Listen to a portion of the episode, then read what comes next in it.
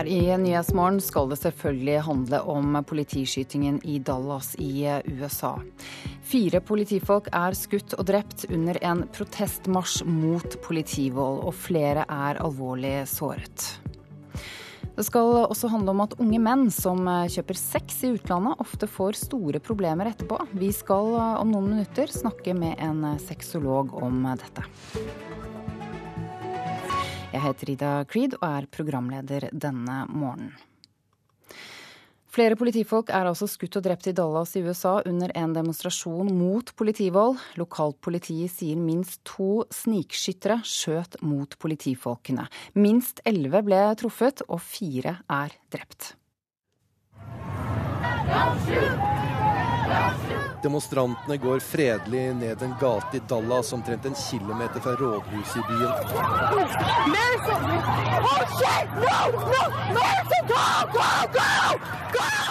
Demonstrantene snur og løper bakover mot der de kom fra.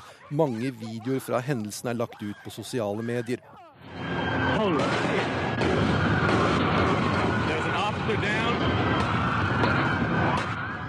En mann med mobiltelefon står ikke mer enn 15-20 meter fra der et titalls politifolk står i delvis dekning bak bilene sine.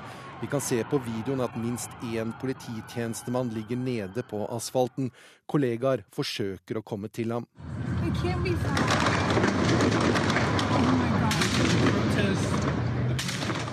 En video på Twitter viser et høyhus, og vi kan høre mennesker i bakgrunnen og mye skyting. Øyenvitner sier at minst 50 skudd ble avfyrt. Hvor mange av dem som var rettet mot politiet, er ikke klart. Det som er klart, er at det ble skutt mot politiet, ikke demonstrantene. To snipers, at least two snipers, from elevated positions as the protest rally march ended, uh, began firing upon our officers, ambush style and uh, shot what we believe at this point 11 officers. Uh, we've confirmed one more since we put out the initial 10. 11 officers were shot. Ja, det er klart at Når politifolk blir drept i forbindelse med demonstrasjoner mot politidrap, så øker spenningen ute på gata betraktelig. Og Jeg har selv sett i Ferguson hvordan eh, engstelige politimenn opptrør, eller kan opptre unødvendig brutalt. Og Det kan igjen føre til en ond spiral, der fredelige demonstrasjoner utvikler seg til voldelige. Ja, Det har vært flere protester i USA i det siste. Hvor omfattende er dette egentlig? Ja, flere tusen mennesker. Vi har ikke de nøkte tallene egentlig fra noen, noen, steder, men det har vært flere tusen ute på gata i eh, mange byer her i eh, kveld. Eh, selvfølgelig i delstatene Louisiana og Minnesota, der de to siste politidrapene fant sted. I New York blokkerte rundt 1000 demonstranter trafikken via Times Square, og flere skal være arrestert. Her i Washington DC gikk noen hundre demonstranter opp mot kongressbygningen eh, i kveld, og de ble møtt av borgerrettsveteran John Louis, som oppfordret eh, folk til å demonstrere fredelig. Det har også vært demonstrasjoner i Chicago og Philadelphia, eh, og det er uklart om disse demonstrasjonene fortsatt pågår, og hvor mange som fortsatt er med. Så hvordan er debatten i USA etter disse siste politidrapene? Debattene foregår på mange plan. Det ene er hva viser faktisk disse videoene, og særlig da den siste eh, fra Minnesota, der kjæresten til eh, sjåføren eh, som ble skutt, jo kommenterer i samtid holdt jeg på å si, hva det var som nettopp skjedde. Og så er da diskusjonen er det objektivt, i hvilken grad er dette objektivt, og hvilken betydning har det for når man skal liksom kommentere hva var det faktisk som skjedde. For vi ser jo ikke selve skuddene. For det andre så så, så, er det klart at her, eh, her kommer alle spørsmålene gjennom eh, det er likhet for loven i USA eller ikke. Og presidenten selv, Barack Obama, kommenterte det fra, eh, fra Warszawa her i kveld. Han, eh, han, sier jo at drapene er symptomatiske for et bredt, bredt spekter av rasemessig forskjellsbehandling i politi og rettsvesen. og Han brukte masse statistikk for å dokumentere dette. Og han sier at de som reiser spørsmål ved om demonstrasjonen og minnemarkeringen er legitime, må ta et skritt tilbake og tenke hva om dette skjedde med noen i din egen familie? Hvordan ville du reagert? Og eh, Guvernøren i Minnesota han sier at dette ville trolig aldri ha skjedd hvis det hadde vært en hvit sjåfør som kjørte i den bilen. Eh, hvor, hvor, sjåføren ble drept da i, i går kveld, amerikansk tid. Uh, og så er det det andre igjen som sier at uh, vi må unngå heksejakt uh, på politiet. politiet har fryktelig vanskelige arbeidsoppgaver. Mange av dem har lite trening. I snitt så har en politimann som sendes ut på gata fem måneders opplæring.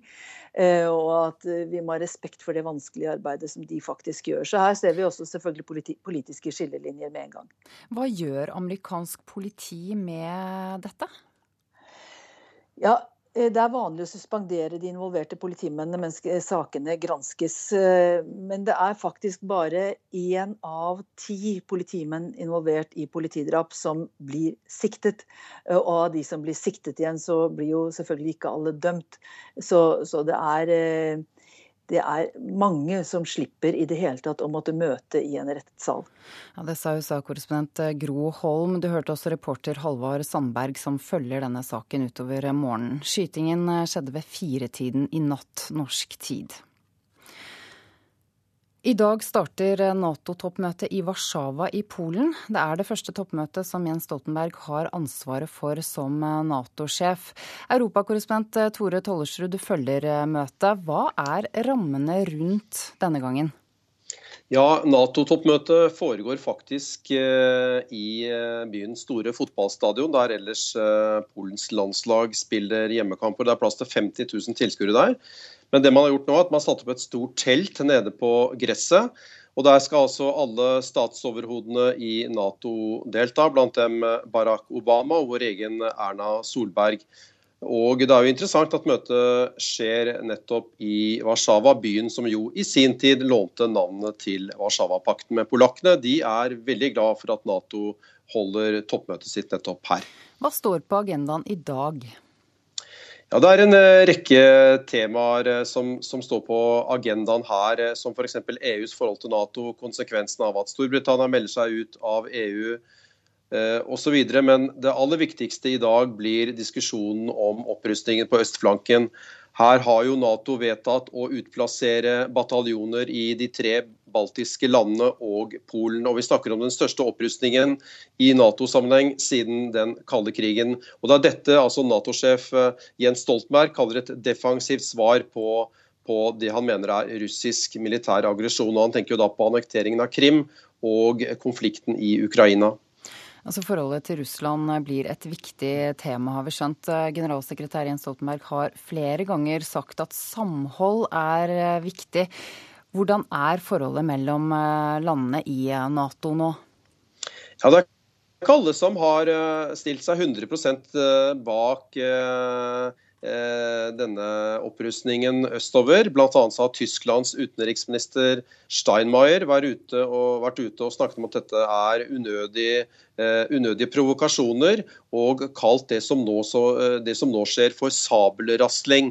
Jens Stoltenberg selv sier at han eh, i tillegg eh, søker dialog. Og Det har også da nå blitt vedtatt eh, at det skal være et møte i det såkalte Nato-Russland-rådet rett i bakkant av toppmøtet. Så Kan du si litt mer om hva som er de store uenighetene da innad i alliansen? Nei, som sagt, uenighetene er jo i hvilken grad man på denne måten faktisk maner til et våpenkappløp. Det er jo Russlands eh, eh, president Putin har jo selv sagt at han mener at dette er et meningsløst våpenkampløp som Russland kommer til å svare på. og Dermed er, kan man være inne i en sirkel. Det er klart det blir diskutert eh, internt i Nato. Av andre ting man skal se på, så er det jo spørsmål om Nato nå skal involvere seg i, i få en eller annen rolle i forhold til store flyktningstrømmene fra Libya og nordover. Man har jo valgt å involvere seg i Egerhavet. Skal Nato også gå inn med skip og bistå bl.a. EU i forhold til å få kontroll med disse eh, flyktningstrømmene. Det er også et av temaene på, eh, på møtet. Og som den så vil jo også brexit, altså det at britene er på vei ut av EU, hvilke sikkerhetspolitiske konsekvenser kommer det til å få, det kommer til å prege dette Nato-toppmøtet. Takk for at du var med oss her i Nyhetsmorgen, europakorrespondent Tore Tollersrud er eh, Nyhetsmorgen du hører på. Dette er hovedsaken i dag. Flere politifolk er skutt og drept i Dallas i USA under en demonstrasjon mot politivold. Lokalt politi sier minst to snikskyttere skjøt mot politifolkene. Minst elleve er truffet og fire er drept. En sivil person skal også bli truffet av skuddene, og to menn er arrestert etter skytingen. Demonstrasjonen mot politiet kommer etter en rekke saker der svarte er drept av politifolk. Og vi får siste nytt fra USA om et par minutter. Men først skal vi høre at unge menn som kjøper sex i utlandet, ofte får store problemer etterpå. Det sier Anders Røyneberg, som er leder for sex- og samfunnsprosjekt PKS, et helsetilbud til personer som kjøper sex. De venter at mange unge i ukene fremover kommer til å ønske rådgivning eller å teste seg for seksuelt overførbare sykdommer etter å ha kjøpt sex på ferie. Altså, Han dro jo på ferie til Thailand, eh, og det foregår jo ting i Thailand. Jeg kjenner noen som har kjøpt til en venn. Og den vennen benytta seg av det tilbudet, eller? Uh, ja, jeg tror det. Han var veldig full. Det, ja. Jeg kjenner flere til flere som har gjort det. det ja. Ingen har gjort det sjøl, men mange av guttene NRK snakka med, hevda de kjenner en eller flere som har kjøpt sex, gjerne i forbindelse med en tur til utlandet. Så er man høy og full, og så ja, I guess. Det er jo i stedet for sexturisme. Mange som drar til kun for den grunnen, selvfølgelig. Men eh, jeg tror ikke mine venner gjorde det. Det finnes lite forskning på unges sexvaner når det kommer til kjøp av sex. Men PKS, et helsetilbud for personer som kjøper sex, har fått over 700 henvendelser i løpet av de to siste årene fra folk som ønsker rådgivning og test etter sexkjøp. Mange av henvendelsene kommer fra folk under 30 år. Det er ca. 50% som oppgir at de har kjøpt sex i Norge, eh, og 50% som oppgir å ha kjøpt sex da i utlandet. Spesielt da i forbindelse med, med ferieturer. Det sier Anders Røyneberg, psykiatrisk sykepleier og rådgiver ved PKS. De forventer spesielt mange henvendelser nå etter sommeren. Det kommer gutter eller guttegjenger som har vært på venneturer til utlandet, og kommer da til oss for å, å ta test. Og Felles for de som kommer til oss, er at de opplever det som problematisk eh, å kjøpe sex. Hallo, velkommen til Kast. Kast gir også rådgivning rundt kjøp av seksuelle tjenester. Rådgiver Daniel Getz opplever at mange tar kontakt fordi de sliter, ikke bare med smitteangst, men med skam og skyldfølelse. De kjenner på at det her ikke var så greit, da. Kanskje de har lest mer om menneskehandel, Plutselig så ser man at man har vært med på å støtte en kjempestor kriminell industri, og at det plutselig blir en sånn Oi, det her var ikke ålreit. Dette kjennes ikke bra, da. Har du inntrykk av at det er vanlig blant eh, gutta i din aldersgruppe? Nei. Nei, jeg tror ikke det. Jeg tror mest de som drar dit, jeg tror ikke de drar at det er som hovedformål. Jeg tror bare det er noe som skjer. Det føltes som en ferie, og da liksom er andre ting lov. Det er jo ofte noe som gjelder, da. Jeg ble slitt med det i etterkant. Reporter Tanita Kveinå. Sexolog eh, og sykepleier Siv Gamnes, hva kan være grunnen til at unge menn kjøper sex når de er på ferietur i utlandet? Ja, Det er nok sikkert mange ulike grunner til at de eh, kjøper seg sex, men eh, det er vel mest situasjonen der og da. At uh, kanskje i alkoholpåvirka, ruspåvirka tilstand, eller at det er andre ting som gjør at de tar, eller en av guttene tar det valget. Eh, det kan jo også handle om press fra kompiser, at det er litt sånn gruppe Det her har man bestemt seg for at man skal gjøre. Så ja, sikkert tilfeldigheter òg. Ja, men hvor, vanlig er det, tror du? Nei, jeg tror eh, Det er nok ikke det vanligste man gjør på ferietur, men at det i enkelte miljøer og i enkelte guttegjenger blir et ønske om at det er det man skal gjøre på turen, det, det finnes nok. Ifølge sexkjøpsloven så er det jo forbudt å kjøpe sex også i utlandet. Tenker ikke folk like mye over konsekvensene når de er på ferie, tror du? Nei, Det er nok sikkert mange som ikke vet at eh, deler av straffeloven også gjelder i utlandet. Bl.a. det som har med eh, som regulerer sexkjøp og sånn. Eh, men jeg tenker også mange drar på ferietur og skal bare ha det gøy og moro og legge egentlig lovverket igjen hjemme. Så det er nok, det er nok ikke så alt, alt man tenker på når man er på ferie. Kan du si litt mer om hvordan disse problemene som de som har kjøpt sex i utlandet, arter seg? Hvordan har de det etterpå? De fleste sliter jo veldig med at de har stor redsel for å være smitta med en eller annen seksuelt overførbar infeksjon. Og kommer kanskje gjentatte ganger og, og tester seg i forhold til det. Men skam, skyldfølelse, kanskje de har, hatt, har en partner hjemme som de sliter veldig i forhold til etterpå. Det, det, er mye det det går på i forhold til eh, anger i ettertid. Men likevel, dersom man har kjøpt sex i utlandet én gang, er eh, terskelen lavere for å gjøre det igjen? Enten i utlandet eller her hjemme i Norge? Jeg vil jo tro at det har litt om eh, omstendighetene rundt sexkjøpet og jeg si, grad av anger i etter, etterkant. Men for de fleste blir det sannsynligvis en engangsopplevelse Eh, selv om det for andre kan være en, eh, en terskel for å starte et sexkjøp også i Norge, f.eks. Kort til slutt, Hvilke råd har du til unge som skal på ferie og vurderer å kjøpe sex? Eh, det beste rådet jeg tenker er å reflektere over den problematikken her. altså Finne ut hva vil jeg gjøre hvis jeg havner i en sånn situasjon. Hvis mulighetene åpner seg, og hva man da vil eller ikke vil gjøre. Og for det man ser er at de som har reflektert og satt på en måte litt grenser rundt eh, seg sjøl i forkant, har lettere for å takle situasjonen når den oppstår. At man ikke bare tilfeldigvis havner da ute i, ut sexkjøp. Mm. Og andre rådet er å bruke kondom hvis man først gjør det. Ja, det var sikkert et veldig godt råd. Takk til deg, sexolog og sykepleier Siv Gamnes. Da skal vi tilbake til USA, der altså fire politifolk er drept av eh, minst to snikskyttere, og elleve andre skal være såret i eh, Dallas. Skytingen skjedde under en demonstrasjon mot politivold eh, i natt ved firetiden norsk tid. USA-korrespondent Gro Holm, hva er de aller siste opplysningene nå? Ja, I tillegg til at begge de mistenkte skal være i politiets varetekt, og politiet undersøker en mistenkelig pakke eh, med, med, bombeeksperter, så er det kommet melding om at en politioffiser skal ha sett en kamuflasjebag bli kastet inn i en svart Mercedes, som så kjørte av gårde i stor fart. Den bilen ble stanset etter en politijakt, og politiet avhører nå både passasjer og sjåfør i den bilen. Eh, det virker som om denne aksjonen, eh, etter videoer som nå legges ut, har vært godt planlagt. Det rapporteres om at de hadde magasiner med mange skudd. og flere magasiner. Eh, det er et øyenvitne som har filmet eh, skytingen fra et hotellrom, som forteller om det. Kan du fortelle litt mer om hvorfor denne demonstrasjonen ble arrangert? Ja, Den ble jo arrangert fordi eh, to eh, svarte menn er drept av hvite politifolk i løpet av de siste tre dagene, eller i løpet av to dager egentlig. Eh, den siste natt til i går.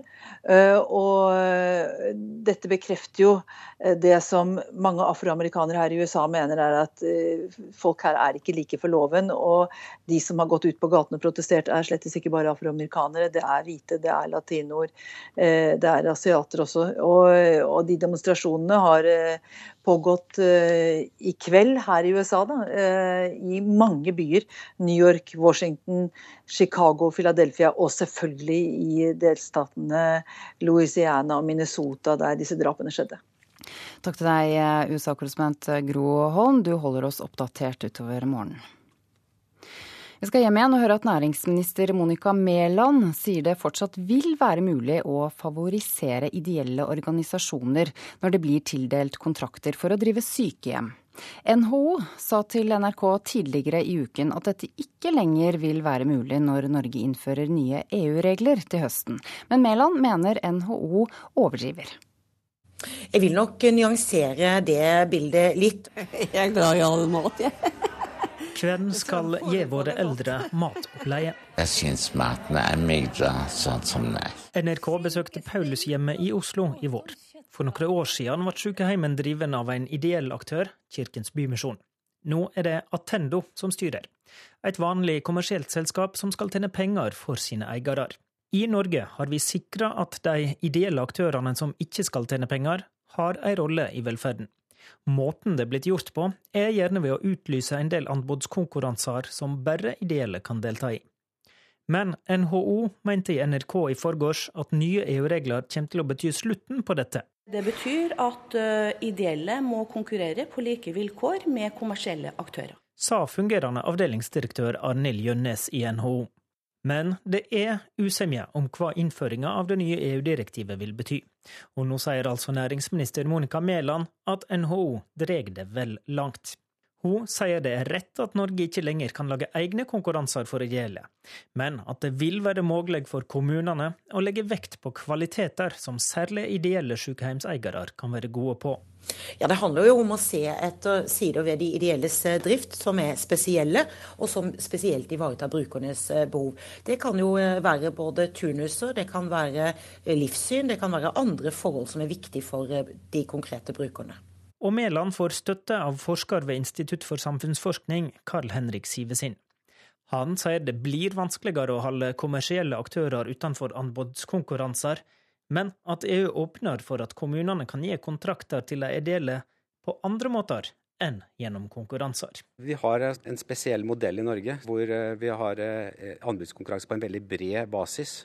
Og hvis vi fortsetter med det, så så mister vi noen muligheter for å regulere velferdsmiks. Men, men kommunene har en mye større verktøykasse de kan gripe til hvis det finnes en politisk vilje til å, å regulere sammensetningen av velferdsaktører. Og næringsministeren slår fast. De ideelle tilbyr veldig gode tjenester, har gjort det gjennom veldig mange år. Eh, de har kvalitet, eh, og de tilbyr et mangfold som er viktig for oss som samfunn å ta vare på. Reportere Håvard Grønli og Halvard Norum. Dette skriver avisene om eh, i dag. Klassekampen skriver om en rapport som avdekker svakheter ved det norske forsvaret. Den graderte rapporten slår fast at et forsvar med kutt i hæren ikke kan stoppe et begrenset russisk angrep i nord. Rapporten ble stoppet etter at departementet kontaktet sjefen ved Forsvarets forskningsinstitutt. Dette er Putins skrekk, skriver Dagbladet på sin forside. Å vise at forsvarsalliansen står sammen, blir Jens Stoltenbergs største utfordring som Nato-sjef, mener avisen, som eh, tror et samlet Nato er et mareritt for Putin. I dag starter toppmøtet i Polen. I går var det opptil to timers kø for å komme gjennom passkontrollen og inn i Norge på Gardermoen. Sykdom, ferie, mange reisende og få politifolk på jobb fører til problemene, skriver Aftenposten i dag. Mens eh, politistasjonen har eh, beregnet at de trenger 225 ansatte, er det akkurat nå bare 175 på jobb. Derfor sto Norwegian på bakken, står det på forsiden av Dagens Næringsliv i dag. Avisen avslører at det var datteren og svigersønnen til Norwegian-sjef Bjørn Kjos som tok beslutningen som har ført til mangel på flygere og innstillinger av flyavganger i sommer. VG skriver at 144 000 nordmenn rammes når Nav kutter i sykelønnen. Det skal bli vanskeligere å få arbeidsavklaringspenger, og det skal bli lettere å komme seg ut av ordningen. Og de som ikke følger forpliktelsene, kan vente seg mindre penger. Fotball nå. Frankrike er klare for EM-finale etter at de slo Tyskland 2-0 i semifinalen i går kveld. I hovedrollen en mann på 1 meter og 75 cm som nærmest avgjorde kampen på egen hånd. Har plass nå, står på kanten av 16-meteren. Fått klarsignalet, går mot den ballen. Og Frankrike leder! 1-0 på overtid av den første omgangen. Og selvfølgelig den dansende mannen på 1,75, Antoine Griezmann. Vakkert forbi Mustafi, kipper inn i feltet. Noyer avklarer, men der er Griezmann! Og det er 2-0 til Frankrike!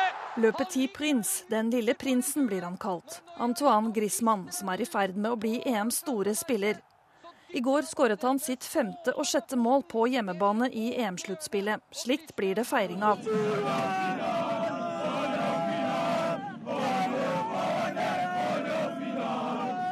Franske supportere strømmet ut i Paris sine gater etter at finaleplassen var sikret. Nå venter Portugal i finalen på Stade de France på søndag. Vi er veldig glade, men det er fremdeles én kamp igjen.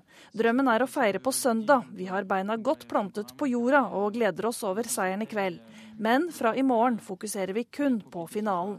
Vi skal hvile godt og forberede oss, sa Griezmann på pressekonferansen etter kampen. Frankrikes landslagstrener Didier Deschamps mener finalen mot Portugal ikke blir lett, selv om Frankrike spiller på hjemmebane. Vi har en mulighet, og de har en mulighet. Selv om vi har hjemmebane og har slått Tyskland i kveld, betyr ikke det at vi vinner finalen søndag. Jeg er sikker på at Portugal har troen på seg selv, og vi har også troen på vårt lag, så det er helt åpent. Voilà, ça reste, ça reste ouvert, bien évidemment. Reporter her var Hilde Liengen. Det er eh, straks eh, klart for eh, Dagsnytts hovedsending 7.30. Silje Sande har satt seg på plassen overfor meg her. Etter Dagsnytt så skal vi høre at Brasils myndigheter vil dele ut ni millioner kondomer gratis under OL. Hvorfor får du altså høre om ca. ti minutter.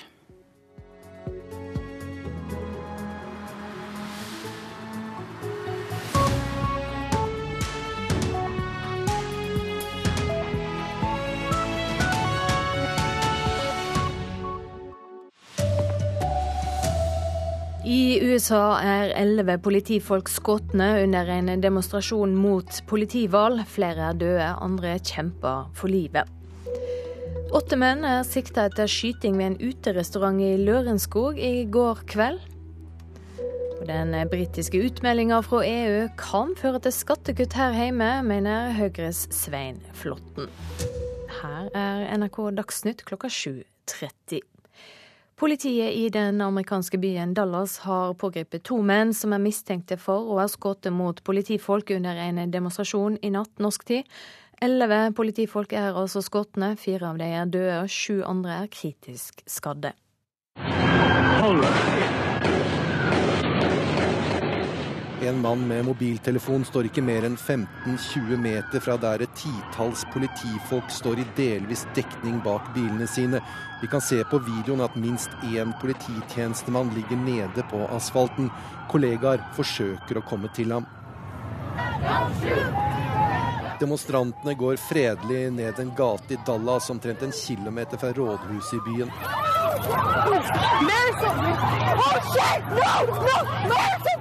Demonstrantene snur og løper bakover mot der de kom fra. Mange videoer fra hendelsen er lagt ut på sosiale medier.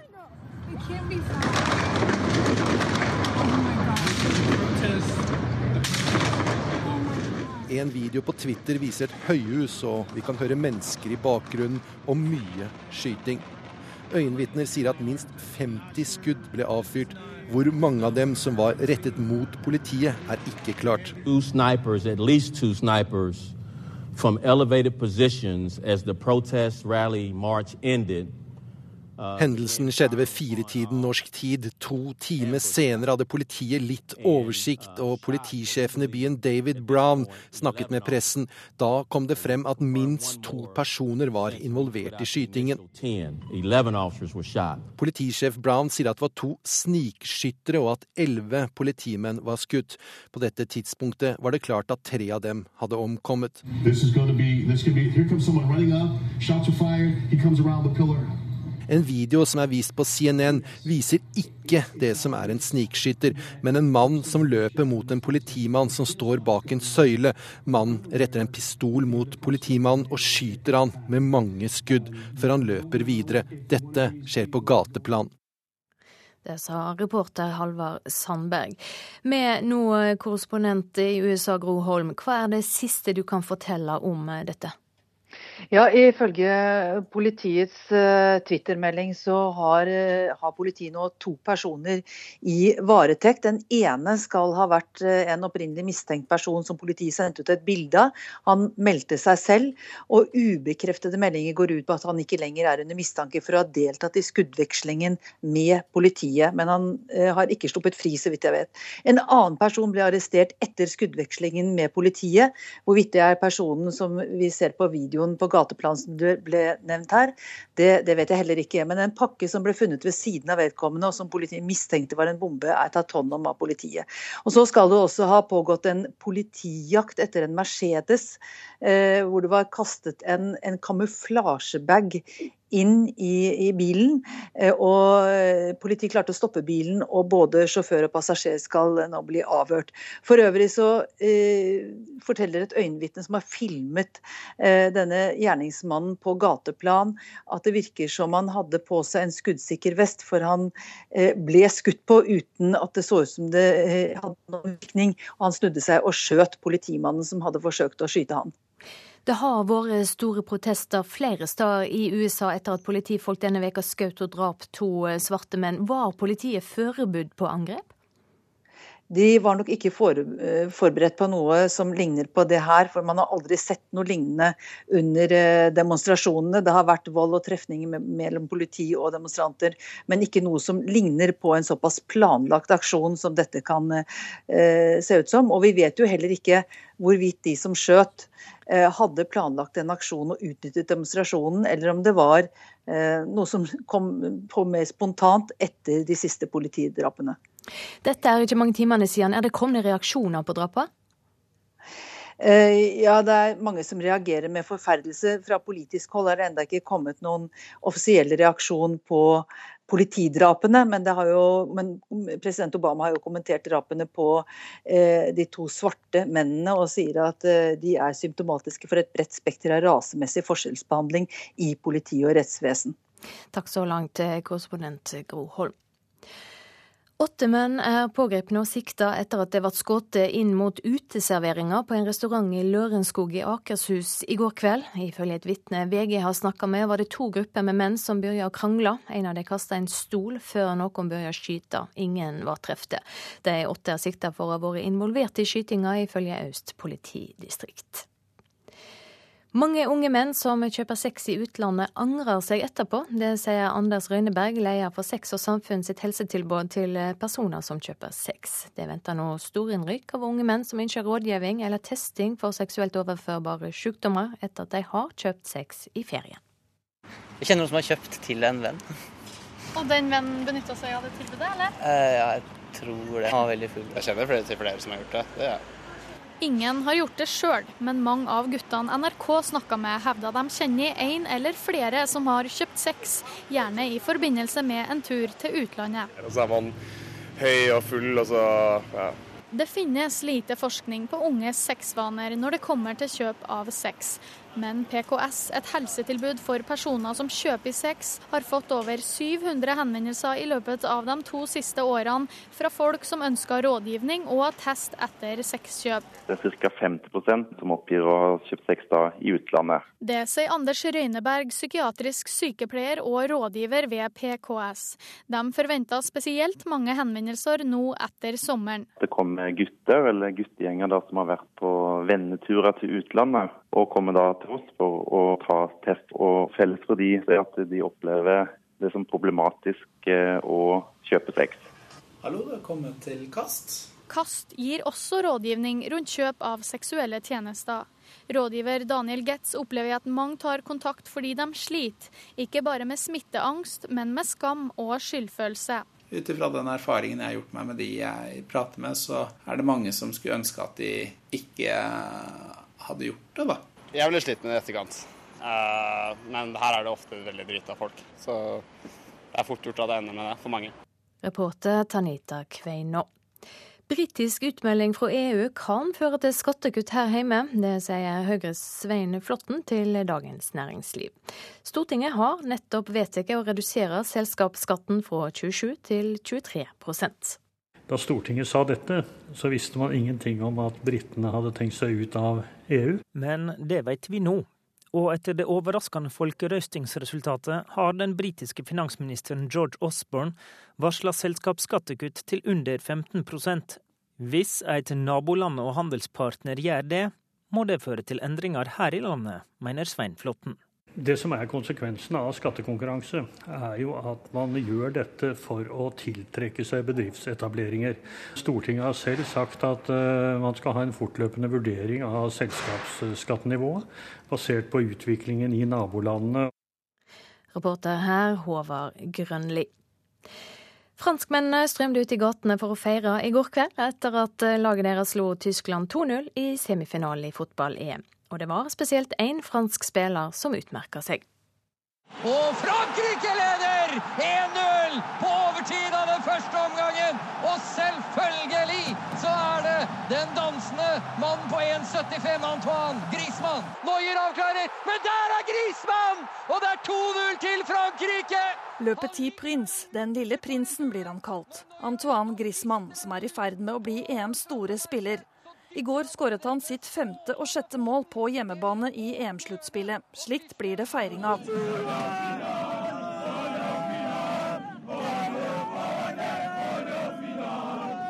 Franske supportere strømmet ut i Paris sine gater etter at finaleplassen var sikret. Nå venter Portugal i finalen på Stade de France på søndag. Vi er veldig glade, men det er fremdeles én kamp igjen. Drømmen er å feire på søndag. Vi har beina godt plantet på jorda. Vi skal hvile godt og forberede oss, sa Griezmann på pressekonferansen etter kampen. Euh, Reporter Hilde Liengen. Og EM-finalen mellom Frankrike og Portugal går øh, søndag kveld. Kampen kan du få med deg på P1 og på DAB-kanal NRK Sport fra klokka 21. Ansvarlig for eh, NRK Dagsnytt, Bjørn Christian Jacobsen. I studio, Silje Sande.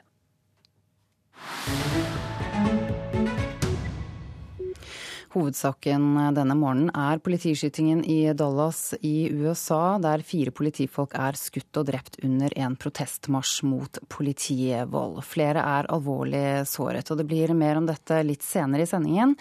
Men først skal det handle om de olympiske lekene i Rio de Janeiro, som nærmer seg med stormskritt. En av nyhetene denne uken er at Brasils myndigheter vil dele ut ni millioner kondomer gratis under lekene.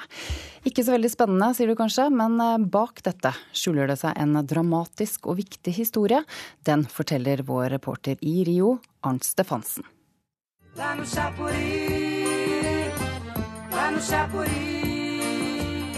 Småbyen Chapori i det sørvestlige Amazonas. Det er her, i fabrikken Natex, alle kondomene blir laget. For de rundt 16 000 sjelene som befolker Chapori, er produksjon av kondomer et være eller ikke være. 700 fattige familier lever av fabrikken, som på folkemunne blir kalt Afabrica do Amor, kjærlighetsfabrikken. Og Natex kan trygt love sikker sex, for råstoffet til kondomene kommer fra gummitrærne som vokser i området não tinha muita, muita opção de vida.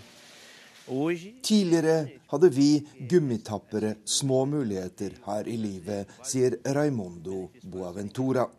Men i dag er det annerledes.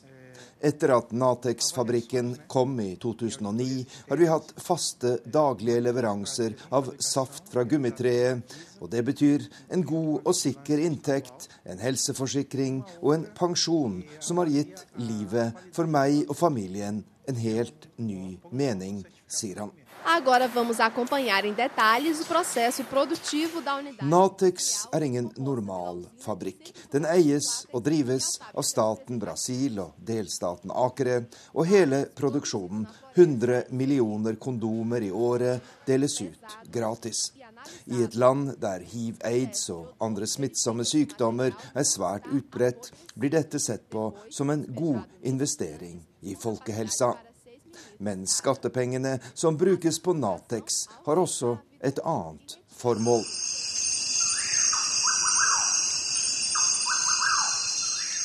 Natex-fabrikken ligger altså i Amazonas, verdens største regnskog, og med tilnavnet verdens lunge pga. sin enorme betydning for klimaet på jorda.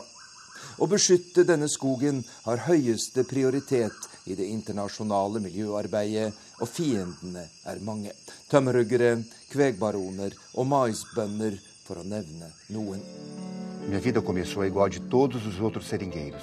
Det er ingen tilfeldighet at Natex-fabrikken ligger i Chapori, for herfra kommer en av de mest berømte miljøforkjempere på kloden. Chico Mendes ledet kampen for gummitappernes kår og for å hindre avskogningen i Amazonas, men han betalte en høy pris for sin innsats. En desemberkveld i 1988 ble han skutt og drept i sitt hjem i Chapori, bare 44 år gammel.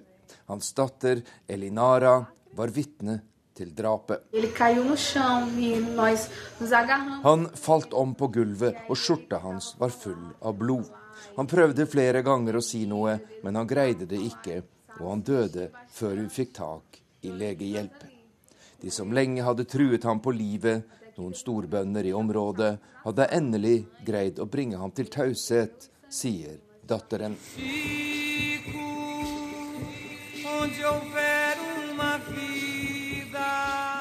Men de som trodde de hadde kvalt en oppstand, hadde tent en brann som forandret Brasil.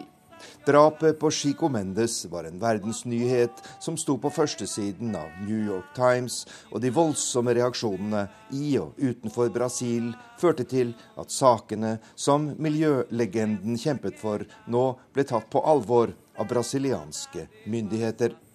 Hans nære venn, Brasils senere president Lula da Silva, sa det slik i begravelsen.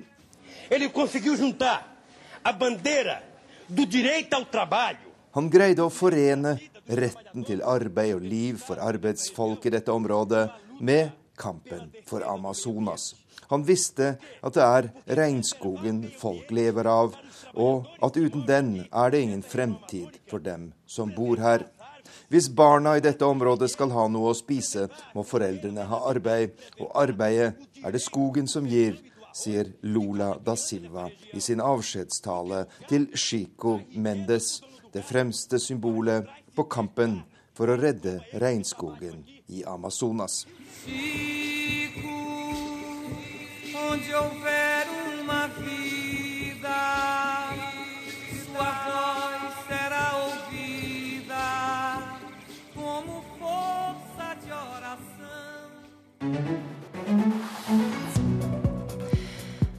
Dette er hovedsaken denne nyhetsmorgenen. Flere politifolk er skutt og drept i Dallas i USA under en demonstrasjon mot politivold. Lokalt politi sier minst to snikskyttere skjøt mot politifolkene. Minst elleve ble truffet, og fire er døde. En sivilperson skal også ha blitt truffet av skuddene.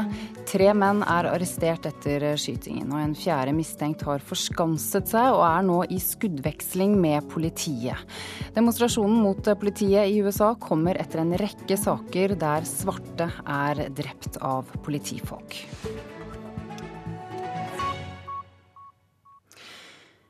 I dag starter Nato det som ifølge generalsekretær Jens Stoltenberg er et av de viktigste toppmøtene i alliansens historie.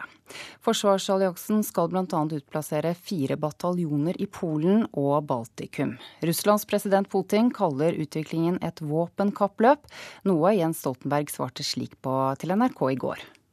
Det Nato gjør, er eh, forholdsmessig, det er defensivt, eh, og det er nødvendig fordi Russland har eh, rustet betydelig opp over lang tid. Eh, og ikke minst har de brukt militær makt mot en selvstendig nasjon i Europa, Ukraina. Men vi er like tydelige på at vi ikke ønsker en ny kald krig. Vi ønsker ikke et nytt våpenkappløp. Så derfor er vi også veldig opptatt av å ha politisk dialog med Russland for å unngå nettopp det. Ja, Norges eh, statsminister, forsvarsminister og utenriksminister er altså på plass i eh, Warszawa.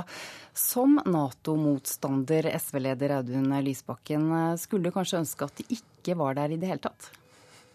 Altså SV har et prinsipielt syn på, på, Nato. Vi mener at en nordisk forsvarsallianse ville vært det aller beste alternativet for Norge, for det er de landene som har mest felles interesser med oss. Men i overskuelig fremtid så kommer vi til å være medlemmer i Nato. Det betyr at den viktige debatten nå det er jo hva vi bruker Nato-medlemskapet til. Så det jeg er aller mest opptatt av, er hva den norske regjeringen gjør i Warszawa. Og vi er jo veldig kritisk til en utvikling i Europa der det nå trappes opp på begge sider, og der eh, en utplassering av Nato-styrker i øst kommer til å være et ytterligere bidrag til det, og det er noe vi derfor er mot. Men hvorfor kan ikke dette samarbeidet som du snakker om, være Nato? Altså Det er fullt mulig å begynne å utvikle et nordisk eh, forsvarssamarbeid eh, allerede i dag. Vi er opptatt av å både tenke langsiktig. Eh, Norge må ikke gjøre alliansepolitikk til sin eneste sikkerhetspolitikk. Vi risikerer å komme i en situasjon i framtiden der amerikanerne blir mindre interessert i Europa. Da trenger Norge alternativer. Men i dag så er det jo sånn at det er et overveldende flertall for det allianseforholdet vi har. Men det er ingen automatikk i at Norge trenger å følge USA i ett og alt likevel. Og vår grunnleggende bekymring er jo at vi bruker for mye ressurser på å delta i USAs kriger ute i verden. Eh, at vi bruker for lite ressurser på å sørge for det som er viktigst for norsk sikkerhet, nemlig norske soldater i norsk uniform i norske nordområder.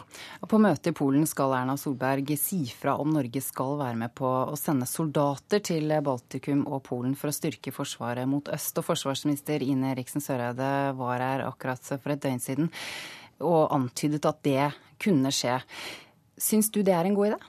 Nei, jeg syns det er en uh, dårlig idé. Uh, det er to grunner til det. For det første så Uh, må jeg si med en gang at Det er lett å forstå uroen til uh, de baltiske landene, til Polen, gitt den historien de har med Russland, og den nylige historien av aggresjon som vi har sett fra russisk side. Jeg tror ikke det er noen uenighet i norsk politikk om bekymringen for utviklingen i Moskva og den typen regime Putin representerer.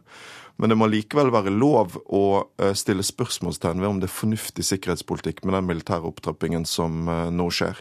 Eh, jeg er redd for at det bare vil gi haukene på russisk side enda flere grunner til å trappe opp på sin side. At det ikke er noe som øker tryggheten og sikkerheten i Europa. Og så må vi også tenke over Norges rolle, hva som er norske interesser i dette.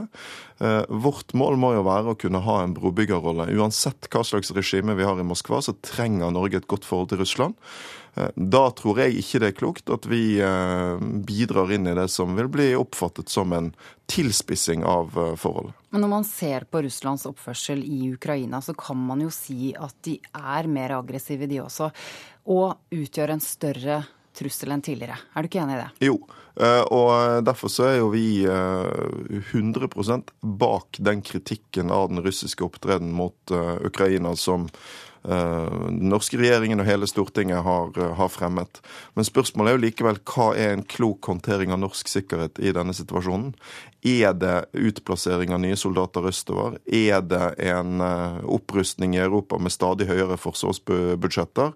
Jeg tror ikke det. Altså, vi må ha en balanse i det norske forsvaret, sånn som det alltid har vært, mellom avskrekking og beroligelse.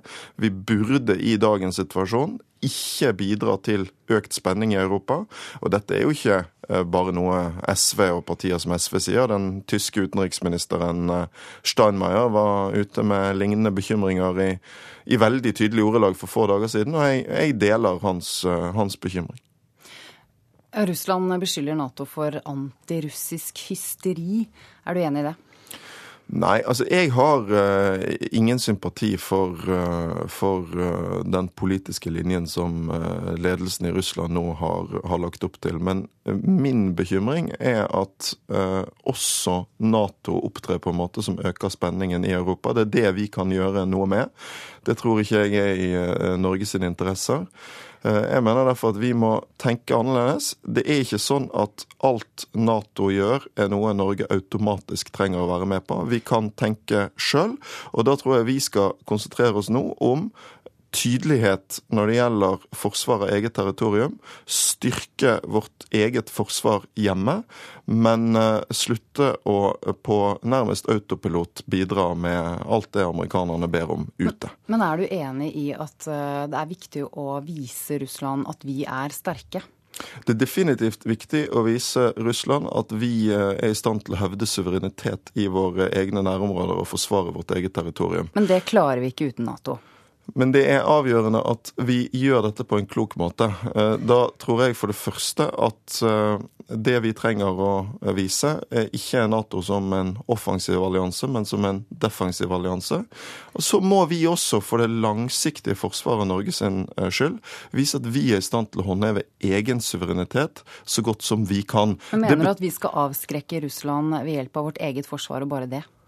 Nei, jeg mener Vi skal gjøre begge deler, både det og, eh, og land vi samarbeider med. Utfordringen i dag er jo at, eh, at eh, vi har en utvikling i det norske forsvaret som mer og mer handler om å bidra med spisse kapasiteter inn i Nato. Bidra også knyttet til konflikter andre steder i verden, som vi etter hvert har dårlige erfaringer med. SV er opptatt av at vi i stedet skal bruke mer ressurser nå på det å hevde vår egen suverenitet. Vi er f.eks bekymret for eh, at det ikke satses nok på Hæren. Vi mener vi nå burde bruke mindre penger på nye kampfly, og istedenfor uh, investere i uh, landmakt og sjøforsvar og kystvakt. Det er jo det som er det mest relevante for uh, hevde Norge sin egen sikkerhet og Norge sin suverenitet i våre områder. Du har vært blant dem som mener Storbritannias nei til EU kan være positivt for Norge. Men forstår du dem som nå er bekymret for at det internasjonale samholdet ryker, eh, og som derfor sier at Nato er viktigere enn eh, noensinne? Den eh, debatten som handler om brexit, tror jeg primært handler om andre ting. Den handler om hvordan vi skal eh, organisere det økonomiske samarbeidet, handelspolitikken i Europa. Når det gjelder eh, de sikkerhetspolitiske eh, følgene av det, så, så, tror jeg at eh, det ikke vil få, få dramatiske konsekvenser. Det som er bekymringsfullt, er hvis vi får en økt polarisering og en uh, høyrepopulistisk framvekst i, uh, i, uh, i, Europa i årene som kommer. Men det må vi altså møte på helt andre måter. Vi må møte det med en sosial opprustning der vi løser den økonomiske krisen som nå skaper uro i Europa. Og det er faktisk en direkte utfordring til den oppfordringen som nå kommer til Nato til alle medlemslandene om å øke sine forsvarsbudsjetter. Vi tror det er viktigere å investere i å løse den sosiale krisen enn i å ruste opp i Europa. Takk til deg, Nato-motstander og SV-leder Audun Lysbakken. Nå skal vi til dagens eh, hovedsak. Eh, flere politifolk er skutt og drept i Dallas i USA under en demonstrasjon mot politivold. Eh, Lokalt politi sier minst to snikskyttere skjøt mot politifolkene. Reporter Halvard Sandberg, du følger situasjonen. Hva er det aller siste nå? Det siste er at dette er en pågående situasjon. Politisjefen i Dallas, David Brown, opplyser nettopp på en pressekonferanse at de har kontakt med én mistenkt i et parkeringshus der hvor skytingen begynner begynte, og at han fortsetter å skyte mot politiet, og at forhandlinger med han er ikke noe særlig vellykket. Og han sier at uh, denne mistenkte sier at uh, slutten er nær, og at han har plassert ut eksplosiver rundt omkring i parkeringshuset og andre steder uh, i byen. Så dette er ikke en situasjon som er løst. Takk til deg så langt denne morgenen, reporter Halvard Sandberg. Vi får straks nye oppdateringer på dette.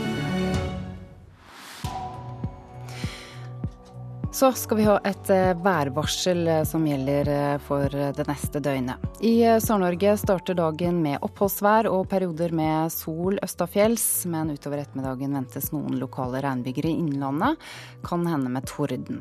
Kystområdene får få eller ingen byger. På Nordmøre og i Trøndelag ventes mye pent vær, men sør for Trondheim kan det dukke opp enkelte regnbyger med mulighet for torden. For resten av Vestlandet ventes enkelte regnbyger. Flest byger ventes nord for Bergen. Mulighet for lokal tåke først på dagen.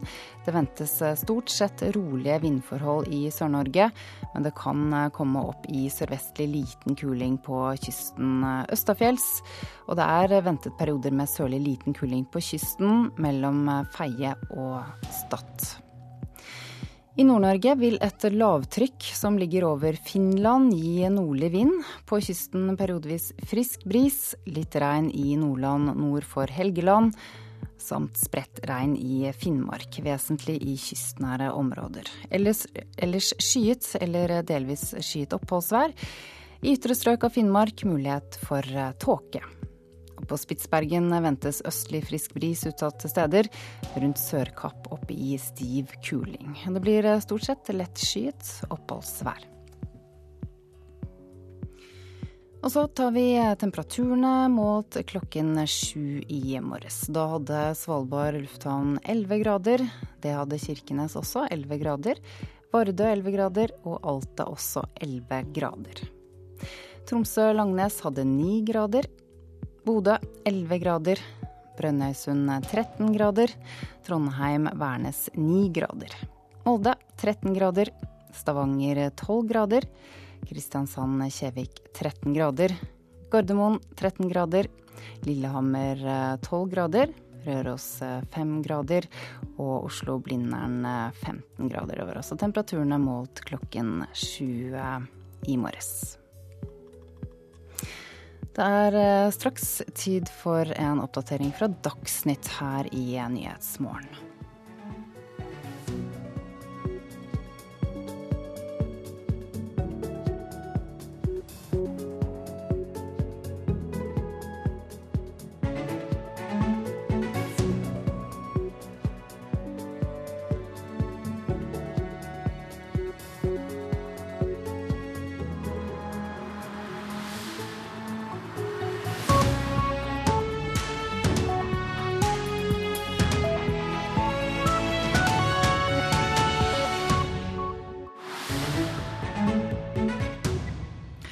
Er Nyhetsmorgen du hører på.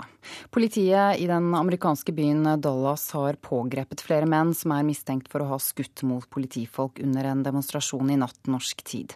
En fjerde mistenkt har forskanset seg og er i skuddveksling med politiet. Elleve politifolk er skutt og fire av dem er drept.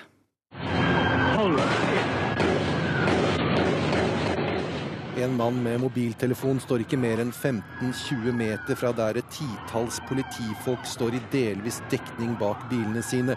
Vi kan se på videoen at minst én polititjenestemann ligger nede på asfalten. Kollegaer forsøker å komme til ham. Demonstrantene går fredelig ned en gate i Dallas, omtrent en kilometer fra rådhuset i byen.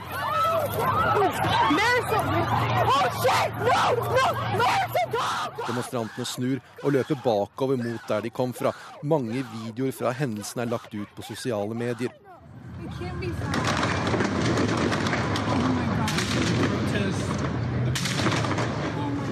En video på Twitter viser et høyhus, og vi kan høre mennesker i bakgrunnen og mye skyting.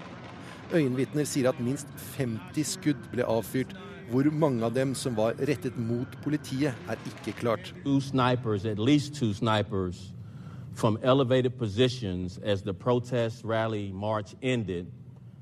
Hendelsen skjedde ved firetiden norsk tid. To timer senere hadde politiet litt oversikt, og politisjefen i byen, David Brown, snakket med pressen. Da kom det frem at minst to personer var involvert i skytingen. Politisjef Brown sier at det var to snikskyttere, og at elleve politimenn var skutt. På dette tidspunktet var det klart at tre av dem hadde omkommet. This is be, this be, here comes someone running up, shots are fired, he comes around the pillar. En video som er vist på CNN, viser ikke det som er en snikskytter, men en mann som løper mot en politimann som står bak en søyle. Mannen retter en pistol mot politimannen og skyter han med mange skudd, før han løper videre. Dette skjer på gateplan. Reporter her var Halvard Sandberg. Med oss på telefon har vi tidligere professor i Nord-Amerika-studier ved Universitetet i Oslo, historiker og USA-ekspert Ole Moen. Fire politifolk er altså skutt og drept, og sju er såret under denne skytingen i Dallas, Texas. Hvor alvorlig er dette, mener du? Ja, det er jo veldig alvorlig da, når man går løs på ordensvernet på den måten.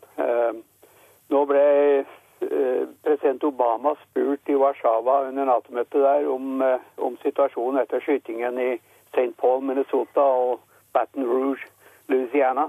Han sa dette er ikke et, et svart problem eller et hispanic problem, det er et amerikansk problem. og nå må vi ta tak i det. Ja, det, jo, eh, det har jo vært mange episoder, og man skulle jo kanskje tro at politiet i hvert fall eh, hadde, hadde ordnet opp i sine rekker, men, eh, men eh, denne demonstrasjonen var jo da et bevis på at, at så ikke har skjedd. Mm. Og så skjer dette her. Altså. Ja, det er altså 561 mennesker som er drept av politi hittil i USA i år, og det er rundt tre i døgnet. Kan du fortelle litt, hvem er disse drepte? Nei, det er jo stort sett uh, svarte mennesker, eller ikke-hvite i hvert fall. Og det er jo gjerne folk med litt, uh, med litt rulleblad som er litt prettet, uprettet, da. Eh, men eh, det er klart at eh, som guvernøren i Minnesota, Mark Dayton, sa her i natt, at, eller etter skytingen der i St. Paul, at her i Minnesota skal justice, altså rettferdighet, skje. Men han lovte da å, å, å ta hånd om det. Han sa at hadde, hadde før, altså der ble en mann skutt i sin bil da han skulle ta ut førerkortet unnskyld, førerkortet og vognkortet av lommen i stedet for å holde hendene på rattet, som er prosedyre. uh, ifølge eh, hans uh, venninne som satt ved siden av ham da, og tok det hele med video. Uh, hadde dette skjedd med en hvit fører, sa han. Jeg tror ikke det, sa guvernøren. Og der ligger jo noe av problemet. Det er rasisme med i bildet her, og politikorpset i de fleste stater er ganske befengt med rasisme, altså. Ja, hvor er denne situasjonen på vei hen, tror du? Nei, altså det jeg må jo si dette er en dramatisering når, når man virkelig begynner å få nærmest eh, terroraksjon, kan du si. Altså skyter eh, planmessig på eh, politiet. Nå var det en video som viste en som sto på et hotellvindu og skjøt, og visstnok hadde skuddsikker vest på seg og en masse magasiner i lomma, som delvis falt ut under skytingen, altså patron- eller eh, skuddmagasiner. Eh, Så her er det planlagt, og nå sies det jo at det var fire mann involvert, og ikke alle er tatt ennå. Så det her er klart det er en aksjon, altså. Og hvis det begynner å bli en opptrapping på den måten, så er jo det en, en, en voldsom forverring. Man hadde kanskje trodd etter at eh, det som skjedde i Ferguson og mange andre steder, det jo, har jo vært mange episoder i Staten Island, Cleveland, Baltimore, Ferguson, North eh, Charleston i South Carolina, at, eh, at man var i ferd med å rydde opp hos politiet, men det skjer jo stadig. Bare de siste ukene er jo da svarte menn blitt, blitt skutt av politiet.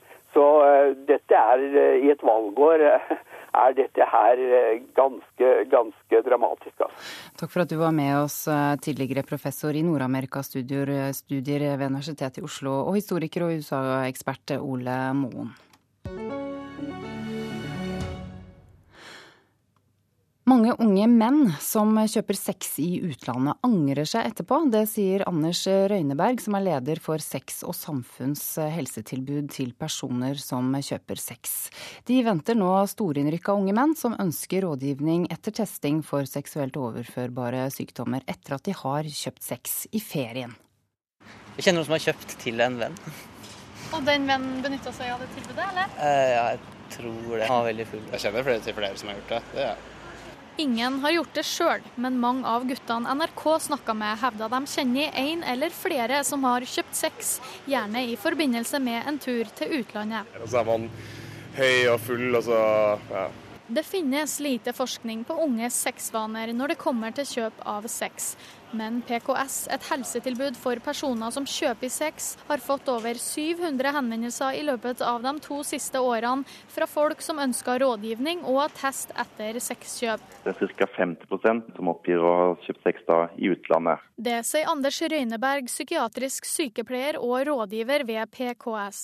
De forventer spesielt mange henvendelser nå etter sommeren. Det kommer gutter eller guttegjenger da som har vært på venneturer til utlandet, og kommer da til oss for å ta test. Og felles for de er at de opplever det som problematisk eh, å kjøpe sex.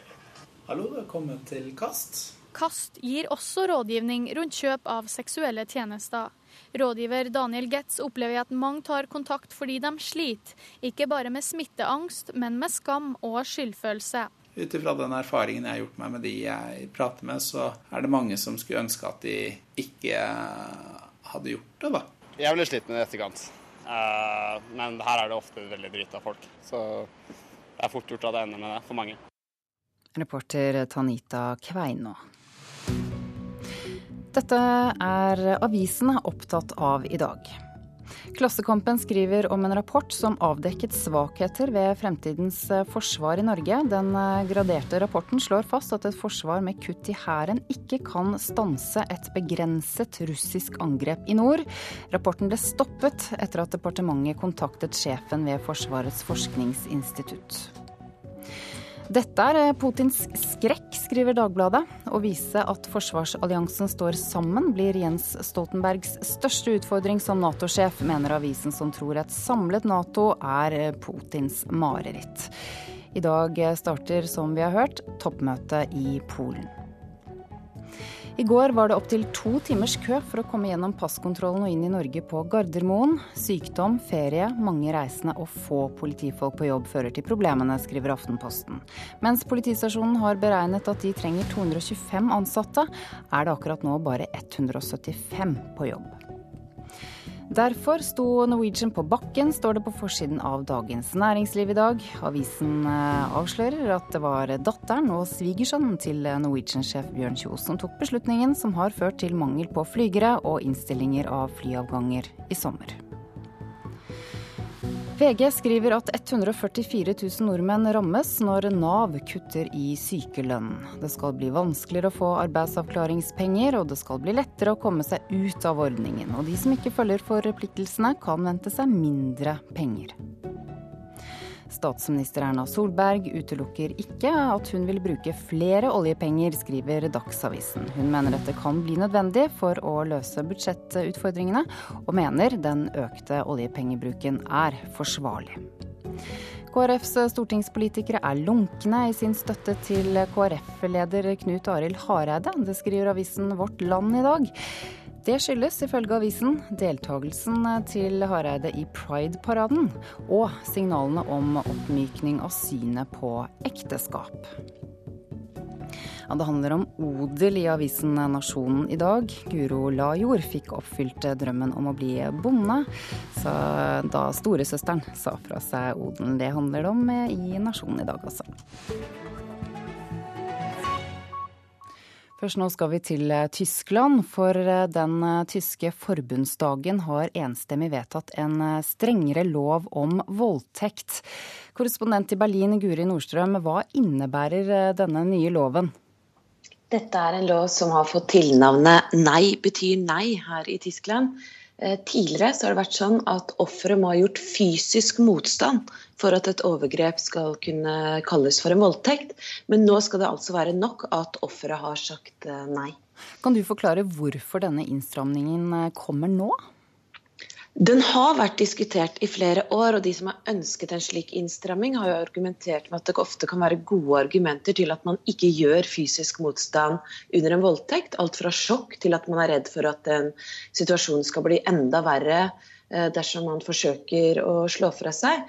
Eh, men det at den kommer akkurat nå, det har helt klart sammenheng med det som skjedde i Köln på nyttårsaften. Eh, der ble det anmeldt 497 seksuelle overgrep. Eh, så nå har da denne siden som har argumentert for de argumentene jeg sa, fått flertall, og det har blitt fortgang i dette lovarbeidet. Justisminister Heiko Maas her han har innrømmet at det har vært store smutthull i loven til nå, noe som har ført til at kun én av ti voldtekter har blitt anmeldt her i Tyskland. Og av dem igjen så har da kun 8% av sakene endt med, med dom. Så hvilke følger kommer denne loven til å få? Først og fremst så vil det nok nå bli flere anmeldelser, fordi man ser at det faktisk har noe for seg å anmelde. Eh, og så vil det forhåpentligvis sikre at seksuelle overgrep faktisk blir eh, straffet. En annen ting ved denne nye loven er at det også skal bli enklere å sende ut utlendinger som har vært involvert i denne type saker. Og Det er jo da også en direkte konsekvens av det som skjedde i Köln, der politiet eh, viser til at de fleste av overgriperne var arabiske og nordafrikanske menn. Guri Nordstrøm, korrespondent i Berlin, takk til deg. Da skal vi høre mer om den dramatiske situasjonen i Dallas i Texas i USA, der flere politifolk altså er skutt og drept. Reporter Milana Knesevic, hva er det siste? Ja, som du sier, eh, flere politifolk er skutt og drept. Det er fire som har blitt drept og syv som er skadet. Eh, politiet har nå tre mistenkte i varetekt eh, etter skytingen. En av de mistenkte er en kvinne. Eh, men en fjerde mistenkt har da forskanset seg i et garasjeanlegg og er i en eh, pågående skuddveksling med politiet. Eh, denne personen hevder å ha plantet bomber i garasjeanlegget og rundt i byen. Og, han, og det viser seg også at det her skuddramaet er det dødeligste angrepet på amerikanske politibetjenter på over 100 år. Politiet har altså hatt kontakt med denne personen som har eh, forskanset seg. Hva kan politiet si om akkurat det? De sier da at de er i forhandlinger eh, med denne mistenkte som er involvert i skyteepisoden. Han er i et garasjeanlegg, han har skutt mot politiet. Ehm, politi, eh, politisjef David Brown i Dallas-politiet sier at personen ikke er samarbeidsvillig. Eh, men han sier at han, at han, har fortalt at han skal drepe flere politi, politifolk. At det er bomber overalt, både i garasjen og rundt i byen. Og det er derfor de er, de er veldig forsiktige i forhandlingene med denne personen. Han har har også sagt at uh, the end is coming, eller enden er nær. Dette skjer altså i Dallas i Texas i USA. Takk for at du orienterte reporter Milana Knesevic. Vi skifter tema. Den årelange momsstriden med skatteetaten er likevel ikke helt løst, selv om konserthusene i Stavanger og Kristiansand vant frem i en klagesak denne uken. Det viser seg at offentlig eide kulturhus ikke lenger kan kreve å få kompensasjon for moms på de mest kommersielle konsertene. Men dette blir det vanskelig å praktisere, mener kulturhusene. Vi er jo litt uh, spent på hvordan det der skal praktiseres fremover. For uh, vi har jo også fått en del datoer med konserter av ganske ulik karakter, som uh, regnes som økonomisk aktivitet fordi det er relativt store navn sier konserthusdirektør i Stavanger, Per Harald Nilsson. Onsdag kom svaret fra Skattedirektoratet i en årelang momsstrid. En seier for både Stavanger og Kilden teater- og konserthus i Kristiansand. De slipper å betale det meste av en momsregning på til sammen 550 millioner kroner. Men det er et men. En konsert med stjernepianist Leif Ove Ansnes trekkes fram som en av ti konserter i kontrollåret 2013 som Stavanger konserthus ikke kan kreve momskompensasjon for, fordi han er en nasjonal eller internasjonal artist som tilbys i et marked. Altså en økonomisk aktivitet i juridisk forstand. Dette derimot den norske jazzgruppa Come Shine er ifølge skatteetaten å anse som ren kulturell aktivitet, som konserthuset dermed kan kreve momskompensasjon for.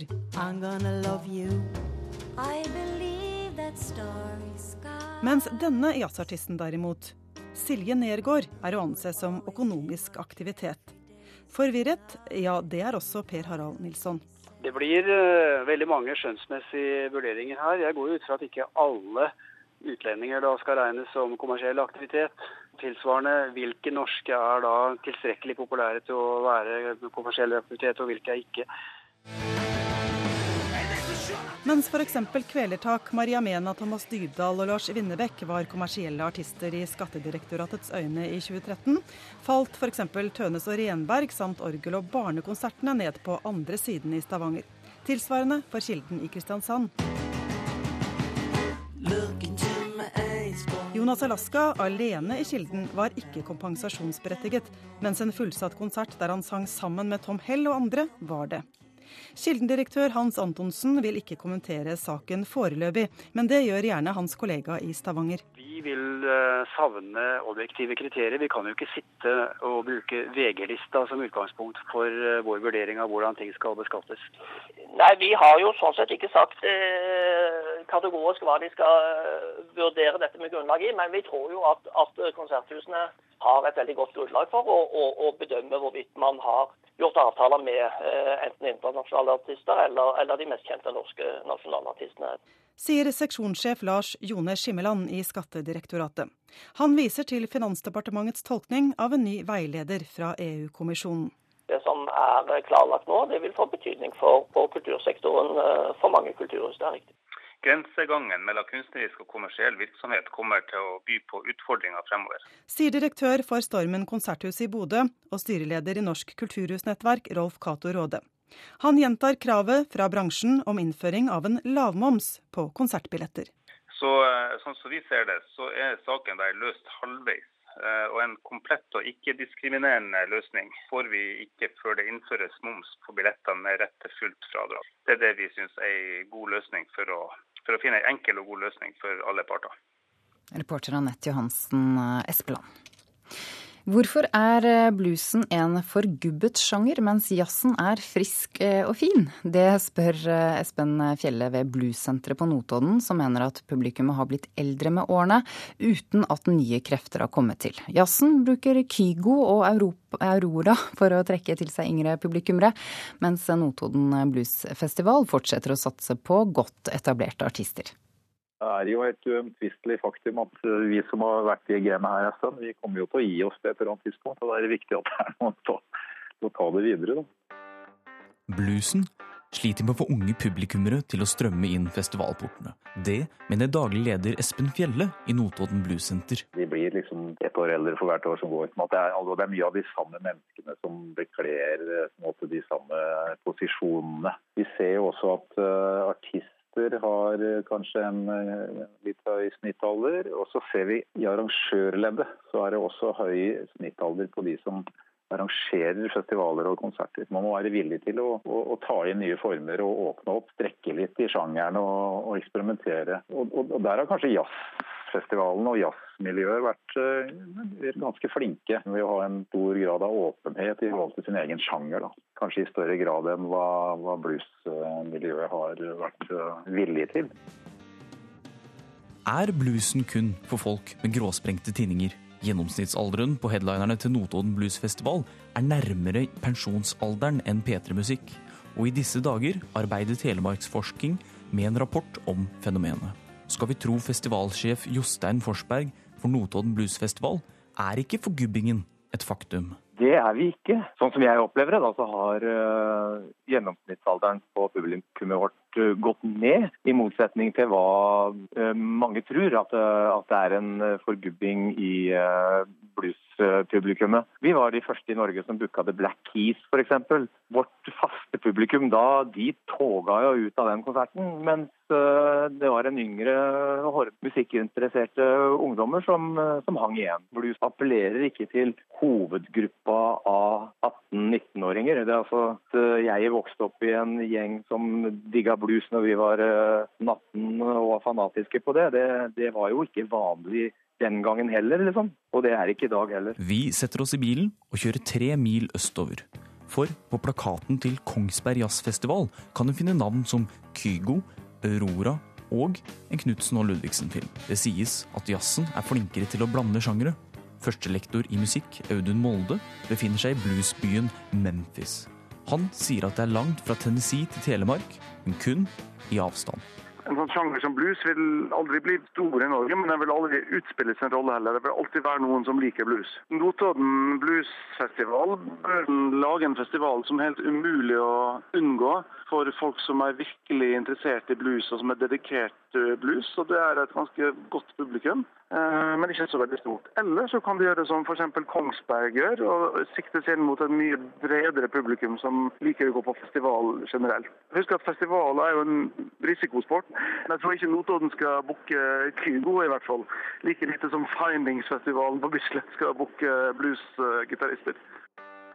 Bluesen er kanskje i ferd med å forgubbes, men skal vi tro festivalsjefen? Bluesen har ikke utspilt sin rolle, og den er en fornyende faktor i musikken den dag i dag.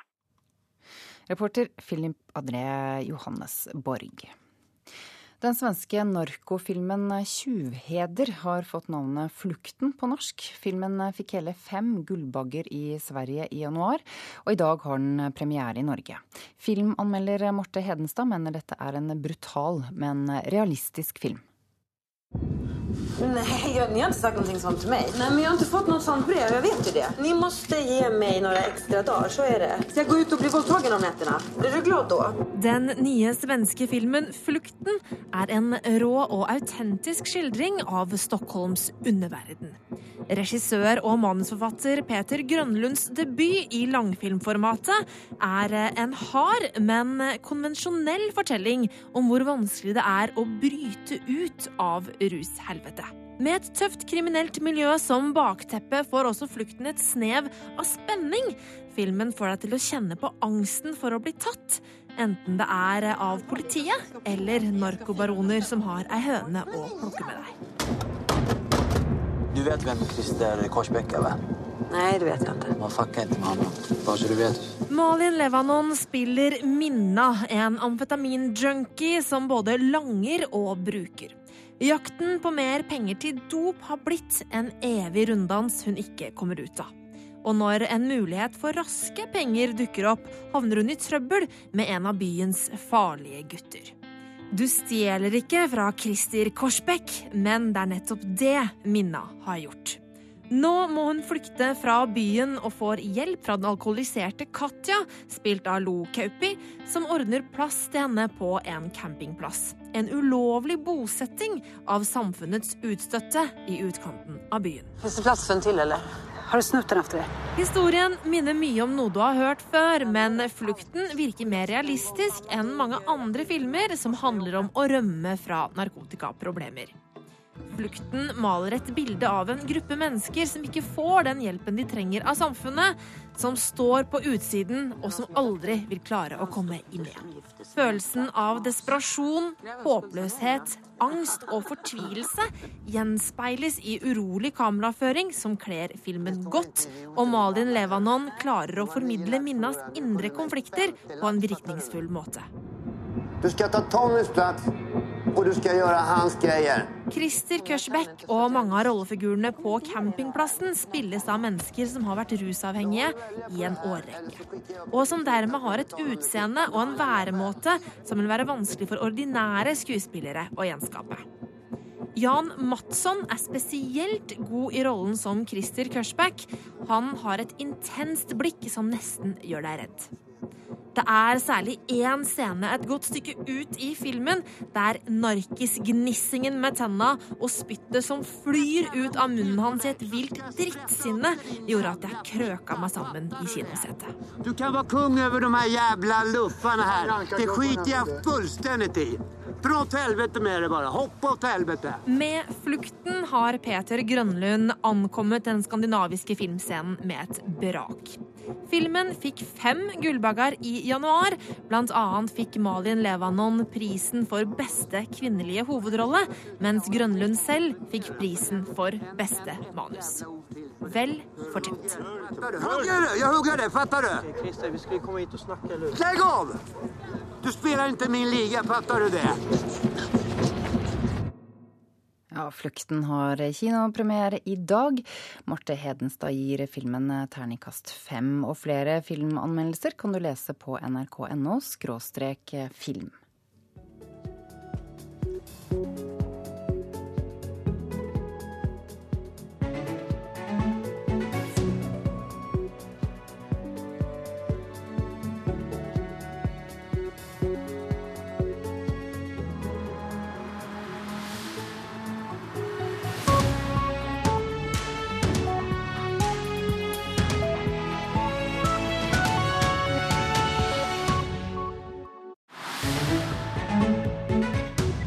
Som eh, vi hørte i Dagsnytt foregår det dramatiske ting i Dallas i USA. Minst fire politifolk er drept og sju andre såret etter at to eller flere snikskyttere slo til mot en demonstrasjon mot politivold. Hilmar Langhelle Mjelde, du er forsker ved Rokkan-instituttet og USA-ekspert. Og du er i New York akkurat nå og så protesten som var en del av den samme bevegelsen som protesterte i Dallas. Hvem er de som protesterer? Det er egentlig en ganske mangfoldig koalisjon på brukerordet av, av forskjellige aktivister som ønsker å sette søkelyset på disse gjentatte episodene der unge svarte mann, typisk, blir drept i møte med politiet. Da. Så disse aktivistene egentlig det siste halvannet året ønsker å sette søkelyset på hva som gjør at afroamerikanere ser ut til å være altså, overrepresentert på denne veldig tragiske statistikken. der. Det har altså vært demonstrasjoner mange steder i USA, og du så en av disse som var i New York. Kan du beskrive hvordan det var? Ja, jeg kom opp av undergrunnen her på Times Square, og uh, det var da en større, eller en gruppering på anslagsvis noen hundre folk som marsjerte helt fredelig og rolig her gjennom Times Square. Uh, med disse forskjellige Black Lives Matter-poster eller plakatene som de holdt i lufta og slo, eller uttrykte slagord med. da. Og de sang eller nynna denne Black Lives Matter, Black Lives Matter helt regelmessig. Og det var et veldig stort politioppmøte her for å sikre den offentlige ro og orden. Og jeg så et par uh, folk ble tatt inn av politiet med strips, men eh, det var helt uh, fredelig, rolig demonstrasjon i seg sjøl. Den pågikk noen timer her på Times Square og på så vidt andre plasser, eller én plass til her i, i, New York. Og alle mediene dekte det da på TV her. Og disse fredelige demonstrasjonene pågikk i, i mange byer i USA i går. Mm. Det som eh, skjer i Dallas nå er ganske dramatisk. Det er ikke over. Hva tror du alt dette får å si for den allerede spente situasjonen i USA? Uh, som du sier, den, den, er bare veldig uh, spent situasjon, og uh, den vil uh, forbli det, tror jeg. for man har mange vanskelige tema oppe her på en gang. Uh, nå skal det først sies at uh, en vet ingenting om disse motivene til, til disse uh, gjerningsmennene i Dallas. Så folk er veldig forsiktige her med å trekke noe som helst koblinger. En bare konstaterer at disse skytingene oppsto under denne uh, demonstrasjonen der. Men altså, det har pågått en, en, en, en opphetet debatt nå det siste døgnet eller annet om politivold i USA. Men en er òg veldig eh, altså en, en, påpeker at uh, disse politifolkene har en veldig vanskelig jobb. Eh, så en, Obama var ute og, og ba om eh, forsoning uh, mellom folkegrupper i går. altså At en skal forstå forståelse for frustrasjon, sinne, sorgen i det afroamerikanske samfunnet. Men at en òg må skjønner den veldig eh, vanskelige eh, situasjonen som politiet står oppe i når de skal sikre den uh, offentlige ro og orden. Og på et enda mer sånn overordna plan så er det jo her en slags debatt om, om, om skytevåpen, tilgjengeligheten av skytevåpen. Så det er nok disse debattene jeg ser for meg at vil gå i, i, i morgen og i, tida framover. Men når det er så mye som skjer som, som nå, tror du det kan uh, utløse et slags uh, vendepunkt? Nei, altså Det spørs hva man legger i vendepunkt. Hvis en tenker at nå skal disse gjentatte episodene med, med masseskyting, da, for å si det sånn, altså at folk av ulike grunner, om det er terror eller om det er skoleskytinger, om det da skal føre til en, altså en ny våpenlovgivning der en prøver å begrense uh, tilgjengeligheten av skytevåpen, det, det kommer ikke til å skje. Det har jeg absolutt ingen tro på. For uh, disse episodene de, de uh, gjentar seg, men de, de, strukturelle vanskelighetene, kan du si, for, å si det sånn, må å endre våpenloven i USA er, de er bare massive. Det er enorme vetopunkt, hadde mange tunge vetopunkt uh, i, i, uh, i, Kongressen som må passeres før en kan gjøre noe med våpenloven. Så jeg ser ikke for meg at dette her kommer til å endre egentlig noe. altså som en, som en, offentlig skyting. Ja. Takk for at du var med oss, Hilmar Langhelle Mjelde. Du er forsker ved Rokkan-instituttet og altså USA-ekspert. Vi kommer tilbake til situasjonen i USA så straks så snart vi vet eh, mer om eh, det som skjer. Men først, i dag starter altså Nato-toppmøtet i Polen. Norges statsminister, forsvarsminister og utenriksminister er på plass i Warszawa. Og seniorforsker ved NUPI, Sverre Loddgaard, velkommen til Nyhetsmorgen. Hvor viktig er dette Nato-toppmøtet som starter i dag? Det er viktigere enn vanlig og viktig i, tre, eh, i det minste tre forskjellige sammenhenger. Eh, man har satt seg fore å øke de europeiske landenes forsvarsbudsjetter og etablere et militært nærvær i de baltiske landene og, og, Polen.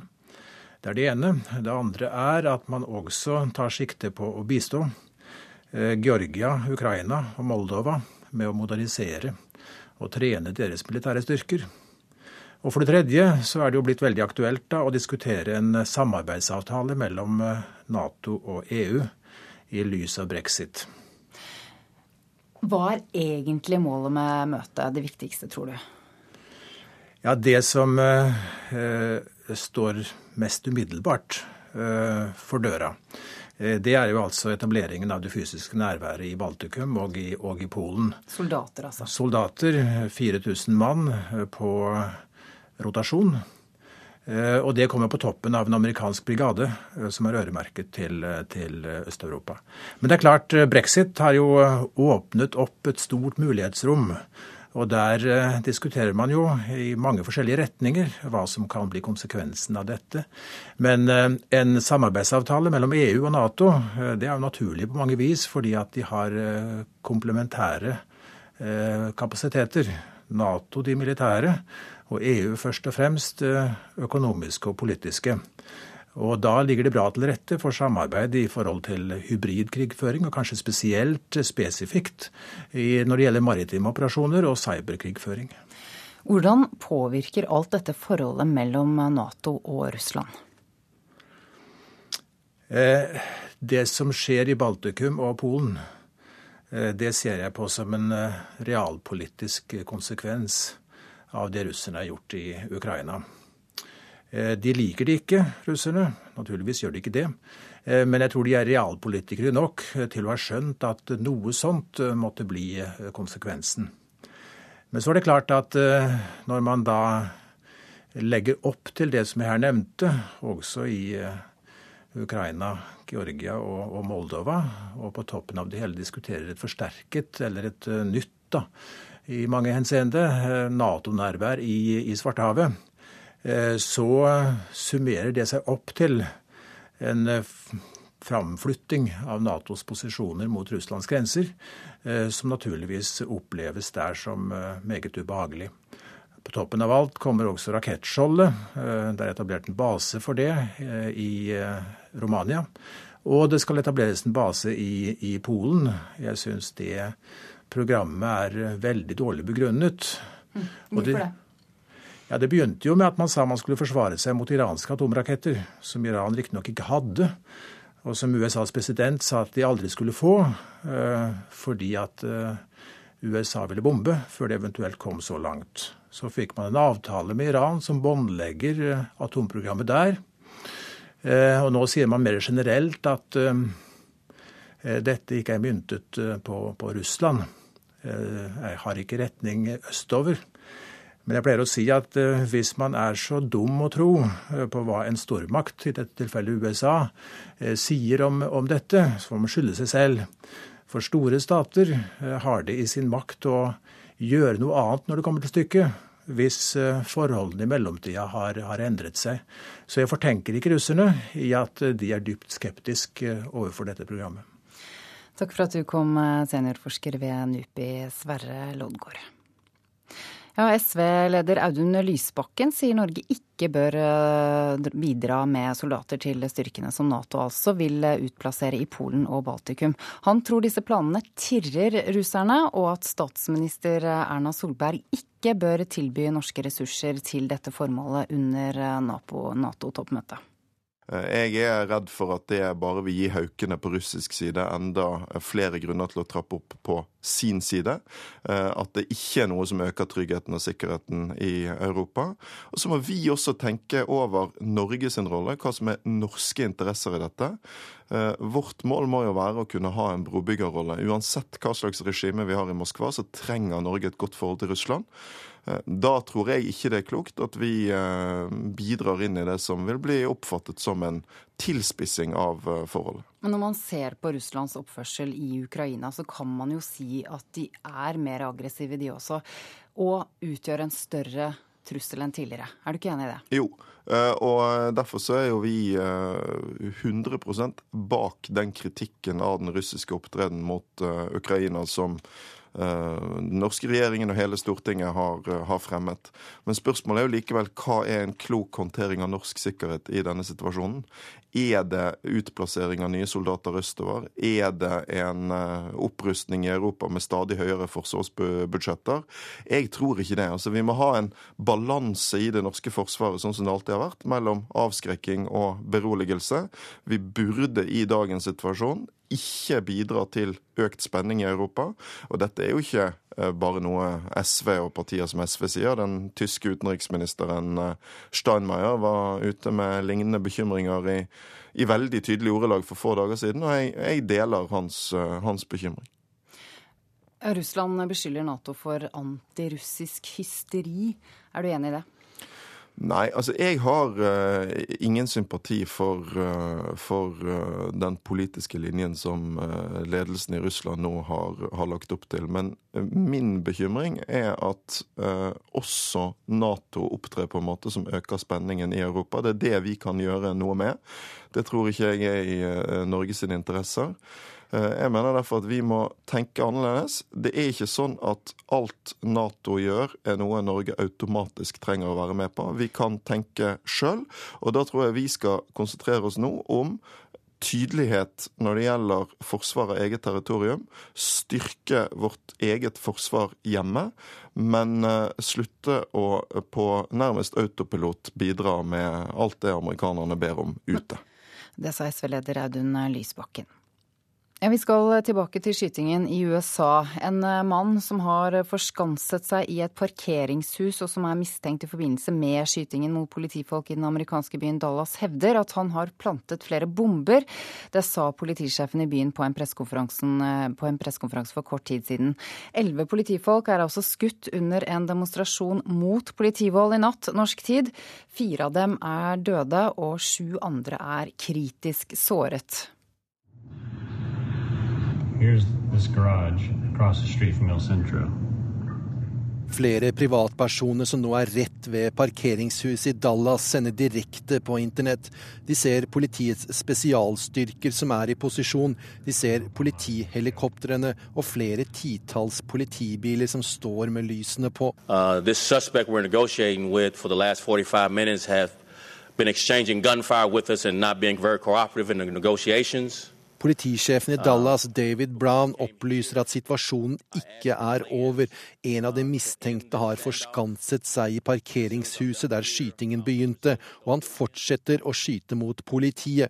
Den mistenkte har sagt til politiet at han har gjemt eksplosiver i parkeringshus og andre steder i byen. Uh, we still don't have a complete comfort level Brown opplyser også at de har arrestert en kvinne som de mistenker å være involvert, og to menn som ble stoppet i en bil.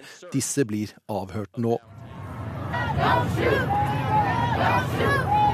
Don't shoot! Don't shoot! Don't shoot! Marison! Oh shit! No! No! Go! Go! Go! Go! Go! Skytingen begynte omtrent klokken fire norsk tid i natt, da en demonstrasjon mot politivold var i ferd med å bli avsluttet ved rådhuset i byen.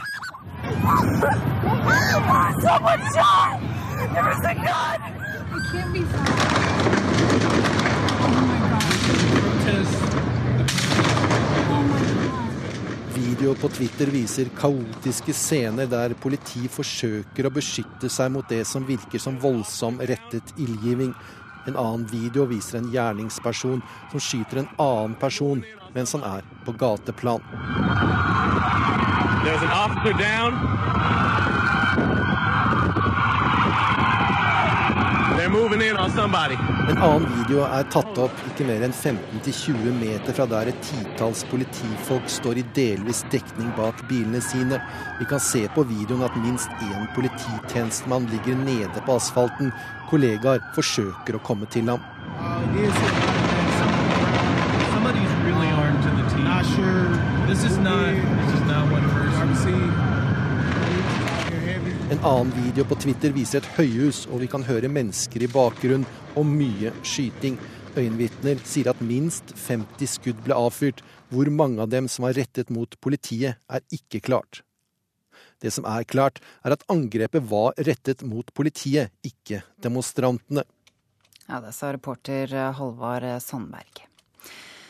Britisk eh, utmelding fra EU kan føre til skattekutt her hjemme. Det sier Høyres eh, Svein Flåtten til Dagens Næringsliv i dag. Stortinget har nettopp vedtatt å redusere selskapsskatten fra 27 til 23% Da Stortinget sa dette, så visste man ingenting om at britene hadde tenkt seg ut av EU. Men det vet vi nå. Og etter det overraskende folkerøstingsresultatet har den britiske finansministeren George Osborne varsla selskapsskattekutt til under 15% Hvis et naboland og handelspartner gjør det, må det føre til endringer her i landet, mener Svein Flåtten. Det som er konsekvensen av skattekonkurranse, er jo at man gjør dette for å tiltrekke seg bedriftsetableringer. Stortinget har selv sagt at uh, man skal ha en fortløpende vurdering av selskapsskattenivået, basert på utviklingen i nabolandene.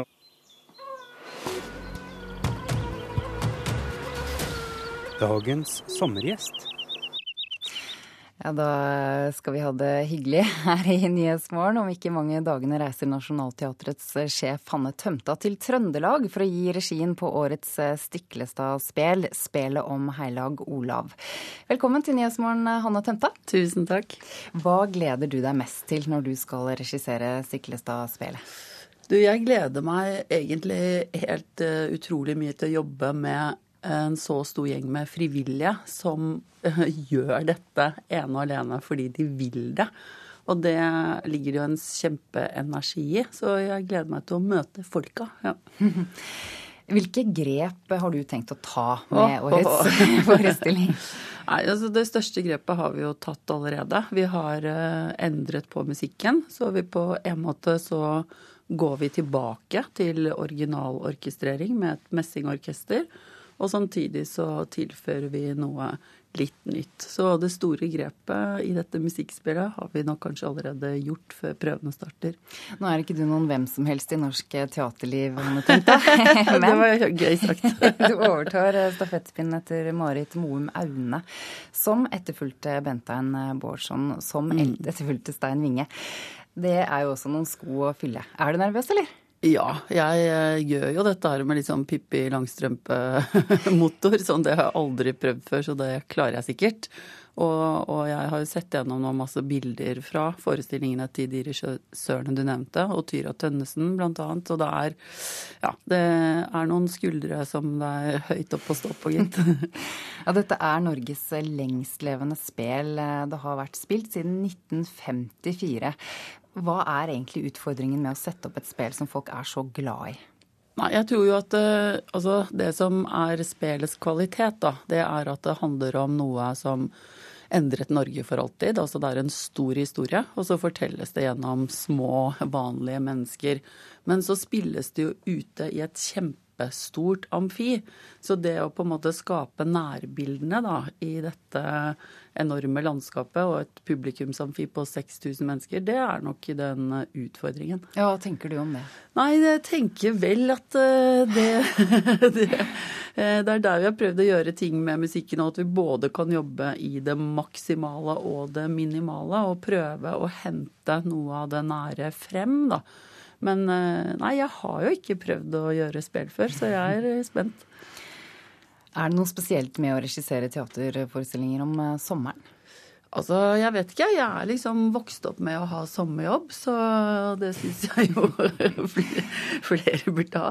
Så det å være ute er jo genialt i seg selv. Vi teaterrotter sitter inne i mørket hele året. Så bare det å møte masse hester og folk og regn og sol, det blir befriende i seg selv. Ja, Du burde ikke egentlig vært hjemme i Oslo da, og sørget for aktivitet på Nationaltheatret? vet du hva, Deilig at du spør, fordi at Nationaltheatret er best i klassen på sommeraktivitet. Vi eh, spiller lenger ut i juni enn alle teatre og starter tidligere i august. Og så kanskje vi skal fylle opp med aktiviteter enda mer i løpet av juli. Men uh, vi har i hvert fall strukket den uh, sommersesongen uh, lengst av alle. Ja, Innovasjon Norge kremtet litt tidligere i sommer, og det er ikke første gang kritikken har kommet. Som de hevder norske kulturinstitusjoner er for dårlige når, det, når de legger ned nesten all drift om sommeren og byene fylles opp av turister. Er du enig i det? Men både òg. Det har vært mange forsøk i Oslo på å spille f.eks. Ibsen på engelsk for turister. Det er ikke sånn at cruiseskipene kaster seg inn i mørket 24.07. Men samtidig så har nok Innovasjon Norge rett i det, at det er et mye større potensial i Ibsen enn det vi klarer å nyttiggjøre oss. Og det viser f.eks. vår Ibsen-festival, at den har enorm publikumsoppslutning og interesse fra utlandet. Hva ville du selv anbefalt en oppegående turist eh, å gjøre i sommer eh, i Norge, sånn rent kulturmessig, da? Nei, altså jeg, Rent kulturmessig så tror jeg kanskje jeg har tatt meg en stavkirketurné, da. og sett på det som fins av norsk kulturhistorie i forhold til bygninger. Eh, så er det Ja, nei, vet du hva. Det er så mye. Gå i Frognerbadet og svøm. Det er kulturhistorie på sitt beste. Takk for at du var sommergjest her i Nyhetsmorgen, Nationaltheatrets sjef, Hanne Tømta. Takk. Statsmeteorolog Kristen Gislefoss, velkommen til deg også. Takk for det. Blir det fint vær i helgen? Ja, både òg. Det spørs litt hvor du er hen i landet. Hvis du tar utgangspunkt i Oslo-området, så er jeg slett ikke sikker på at hele døgnene blir like fine. Det er nok helst formiddagen som byr på sola, så er det ettermiddagen som byr på regnbygene og kanskje et eller annet tordenskrall. Ja, det, på, det, blir altså fint vær på Sørlandet og Telemark? Ja, best an ligger nok Sørlandet og kanskje delvis Trøndelag, men selv her kan det gå noen spredte regnbyger, kanskje helst på Innlandet.